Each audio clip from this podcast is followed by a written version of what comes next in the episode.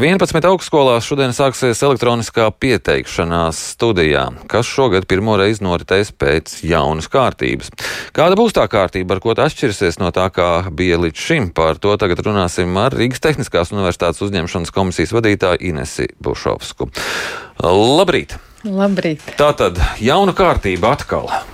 Kas ir jāņem vērā? Uh, jaunajiem studentiem un uh, ko tas nozīmē augstskolām uzņemšanā? Protams, tas prasīja savu veidu tādu kā jaunu programmēšanas pieeju, jaunu rangu aprēķinu uh, kārtību. Tas uh, daudz mainīja arī ranga aprēķina rezultāts. Tādēļ jaunieši nereti prasa, kā tad bija pagājušajā gadā un vai var salīdzināt ar šo gadu. Viennozīmīgi vairs nevar neko salīdzināt. Un šogad ir tas svarīgākais, ka centralizētie eksāmeni iedalās trijos līmeņos vispārējais, optimālais un tas padziļinātais vai tā sauktais augstākais. Ja viņš ir nokārtojis, eh, vispārējais ir atļauts tikai profesionālās vidusskolās, tādos kā tehnikums. Ja viņš ir nokārtojis vispārējo līmeni, viņš eh, saņem no ministrijā noteikto koeficientu 0,5, ja optimālo 0,75 un ja augstākā līmenī, tad jau viens. Un plus vēl jāņem vērā mūsu RTO koeficienti. Un kas ir tāds jauns, ko mēs arī šogad uh, ieviesam, ņemot vērā ministru kabineta noteikums, ka jāņem vērā augstskolām visi centralizētie eksāmeni, ko skolēns ir nokārtojis. To arī visas 11 augstskolas, kas ir šajā sistēmā, arī ņems vērā. Un ko tas nozīmē? Ja viņš ir kārtojis kaut vai bioloģiju vai vēsturi, viņi arī tiek ņemt vērā. Un katra augstskola var noteikt, vai viņam tas ir svarīgi, tas centralizēt eksāmenis, vai viņiem tas noteiktajā programmā nav tik svarīgi. Tad viņi nosaka arī papildu savu koeficientu, ko pirms tam ir ielikusi arī ministrija ar savu ministru kabinetu noteikumiem. Mm -hmm. uh... Kādus studentus tad jūs gaidat? Tos, kas ir optimālā līmenī, padziļinātā līmenī, tas tāds Uh, diskutā, nu, mēs jebkurus studentus gaidām, protams, bet uh, kādi būs tie rādītāji, to mums grūti prognozēt, jo tas ir pirmais gads, kad notiek kaut kā tāda veida eksāmeni, bet kas ir pozitīvi, RTU ir uh, nākusi pretī un lai iesaistītu mūsu nozare un palīdzētu skolām, kur, pieņemsim, nav iespēja apgūt ķīmiju vai fiziku, šajā mācību gadā bija iespēja 12. klasēm apgūt padziļināto līmeni fiziku un ķīmiju. Bet ir skola skolēni, kuri satrauc, ja viņiem ir optimālais līmenis, nu tagad viņi netiks budžetvietā.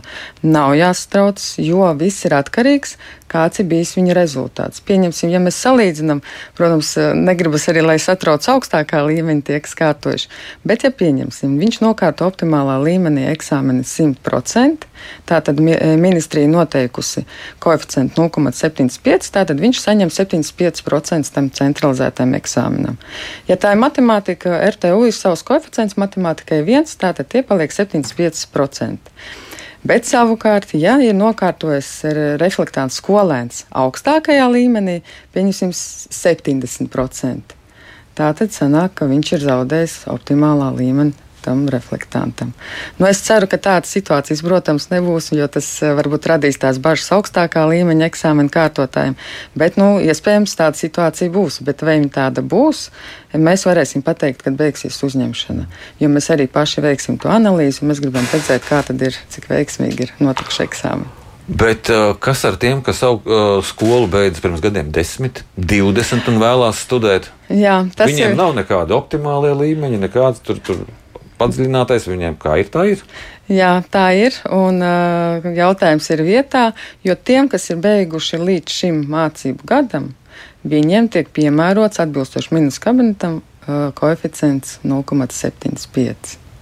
Tā kā, ja viņš ir pagājušā gadā beidzis eh, vidusskolu, viņš, eh, viņam tiek automātiski likts koeficients 0,75. Ja viņam bijuši 90%, tad jau jārēķina, viņam vairs nav 90%.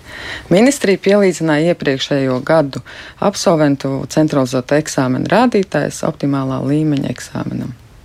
Nu, tas ir Jūs tagad paņēmāt eh, pirms gada, bet ņemsim senāku posmu, kur nav nekāda procenta. Ir vienkārši gada atzīmes. Jā, jā. Tie, tu, Katrai augstskolai ir obligāti pēc, arī pēc ministra kabineta noteikumiem izstrādāt atsevišķu punktu tiem, kas nav kārtojuši centralizētu eksāmenu. RTU tāds ir, līdz ar to viņiem tiek ņemti vērā gada atzīmes trijos priekšmetos obligātajos - matemātikas, svešu valodu, latviešu valodu. Viņi tiek reizināti ar desmit un atkal dots koeficients atbilstoši. Līdz ar to viņiem tiek ņemts vērā gada atzīmes. Tas ir, var teikt, visās programmās RTU, izņemot Latvijas jūras akadēmijas programmās, viņiem būs jākārto iestēja pārbaudījums. Bet mēs ņemam vērā gada atzīmes. Tāds koeficients, tāds koeficients, kā tur cilvēks var saprast, vai viņam ir vērts iet, iet vai viņš ar to savu vērtējumu tur vispār var pretendēt, vai vērts laiku tērēt. Ne? Ir tā, ja runājam par budžetvietām, RTU ir noteikts arī savu, savu noteikts, ka matemātikā nedrīkst būt zemāk par 18%. Līdz ar to, ja viņš grib konkursā piedalīties budžetvietā, viņam jāskatās, kas viņam parādās certifikātā. Ja ir virs 18%, tad viņš var piedalīties konkursā uz budžetvietām. Ja nav, tad tikai studijām par maksu. Bet vai viņam satraukties, vai tiks vai nē, šajā brīdī nevajadzētu. Viennozīmīgi ir jāpiesakās, jāriskē jāskatās. Un, ja tomēr konkursa rezultātā viņš izkrīt no budžeta vietas, vienmēr sazinās, paskatās, varbūt ir bijis kaut kāda rotācija, kāds atteicās vai vēl kaut kā, bet ir vienmēr jāsasinās uz, ar uzņemšanas komisiju, lai mēs paskatāmies un rodam tomēr kaut kādu viņam iespēju studēt. Mhm. Cik lielu pieplūdumu jūs prognozējat? Es tomēr uh, skatos pozitīvi uh, un domāju, ka ne mazāk kā pagājušā gadā. Jo pagājušā gada uzņemšanas uh, statistika parādīja, ka mums bija pēdējo trīs gadu laikā labākais rādītājs uzņemšanā. Tas arī rāda to, ka interese par uh, STEM jomas uh, programmām un vispār par uh, inženierzinātņu programmām un RTU ir augušas. Jo mēs esam sadzirdēti ne tikai valsts līmenī, bet arī jau starptautiskajā līmenī. Kādā ziņā labākais tas ir skaita ziņā vienkārši? Jā, tieši skaita ziņā un arī pieteikumu ziņā un interešu ziņā un konkurss bija lielāks. Un mēs arī skatījāmies, ka pēdējo trīs gadu laikā tie bija labākie uzņemšanas rādītāji. Nu, un, cik no tiem turpina studēt? Ja jūs jautājat par atbirumu, tad viņš, mhm. protams, ir dažāds un dalās pa programmām, bet ņemot vērā, ka mums ir iestājoties universitātē, ir tāds kā mentoru programmas, kur individuāli parunā ar tiem, kas netiek galā, Tad tiek veiktas eh, testēšanas uh, priekšmetos, kur lielākās kā, sagādā problēmas. Tas ir fizika, matemātika un ķīmija, lai saprastu, kāds ir līmenis. Tad viņiem piedāvā papildus kaut kādas konsultācijas, papildus mācības. Un līdz ar to, lai runātu par atbirumu, tad jāskatās programmas, bet, protams, atbirums būs. Ir arī rotācija, viņi maina programmas. Ja tā vidējā līmenī, nu, tie 20% jārēķinās, protams, tas ir tāds individuāli parunā ar tiem, kas netiek galā. Izklausās mazliet biedējoši. Nu, nē, viņi, piemēram, pasaka, es gribu atskaitīties, lietvedis pajautā, kāpēc tu gribi, es, nu, es netieku galā ar fiziku vai matemātiku. Nu, tad viņam piedāvā tur papildus kursu, jo mēs arī piedāvājam arī dažu veidu no matemātika, fizika un ķīmija arī kursus, lai padziļinātu, apgūtu šos priekšmetus un papildus konsultācijas. Daudz ir tādu, kuriem ir nepieciešams šīs uh, papildus konsultācijas, papildus mācības, proti, nu, kāds uh, ir tas zināšanu līmenis nākot no skolām? Mm, ir dažāds. Protams, ka jā, ir tā, ka katru gadu mēs skatāmies, kā viņš pieaug vai ne.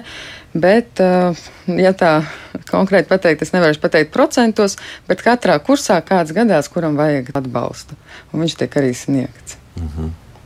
Kādu koeficientu piemēros uh, ārzemniekiem? ārzemēs beigušie, tātad viņi nav kārtojuši centralizētu eksāmenu, tātad viņiem tiek ņemtas gada atzīmes, kuras tiek pielīdzināti Latvijas, Latvijas izglītības sistēmai. Tātad, ja matemātikā viņam ir noteikts kaut kāds līmenis, tad mēs, viņš sazinās ar Akadēmisko informācijas centru, kas atzīst Latvijā šo ārzemēs iegūto izglītību Latvijas izglītības sistēmai un notiek viņu iegūto vērtējumu pielīdzināšana Latvijas izglītības uh, vērtēšanas skalē. Un viņa atzīmes tiek pielīdzināts gada atzīmes, reizinot ar koeficientu 10 un jau reizinot ar RTU koeficientu. Mm -hmm. Un uh, ārzemnieku uzņemšana arī sākās tagad, vai tā ir atsevišķa? Ja jūs runājat par ārzemniekiem, kas studēs kā ārvalstu studenti, tad tas ir mazliet savādāk. Tagad es domāju, mēs runājam par tiem, kas, pieņemsim, ir latviešu mm -hmm. pilsoņi beiguši, piemēram, Anglijā vai jā. Mm -hmm. Bet, ja runājam par tiem, kas ir ārzemju pilsoņi un uh, vēl studēt kā ārzemju studenti, Tad ir tā, viņiem kārtība mazliet savādāk, viņiem ir iestāja pārbaudījumi noteiktos priekšmetos atbilstoši arī ministrs kabineta noteikumiem. Bet viņiem notiek šobrīd jau pieteikšanās no pavasara, jo jānāk, jānokārto arī uzturēšanās atļaus un citu veidu dokumenti, lai varētu uzsākt studijas šeit, un viņi arī kārto tos iestāja pārbaudījumus. Bet jau šobrīd ir liels rekords skaits pieteikumu. Uz šo dienu bija vairāk kā 3000 pieteikumi, kuri tiek izskatīti, izvērtēti, vai viņi atbilst uzņemšanas noteikumiem pieteikumiem, un tie ir vairāk nekā no simts valstīm. Tad jau esat nopietni reklamējušies. Nu, vairāk ir tā, ka ārzemju studiju departamenta darbinieki ir vairāk braukuši tādu pa valstīm, reklamējuši RTO, parādījuši, cik pozitīvi ir arī atpazīstama RTO starptautiskā līmenī un kāds ir līmenis arī studiju programmās. Tas, protams, ir uzrunājuši ārzemju studentus. Es teikšu jums paldies par šo sarunu.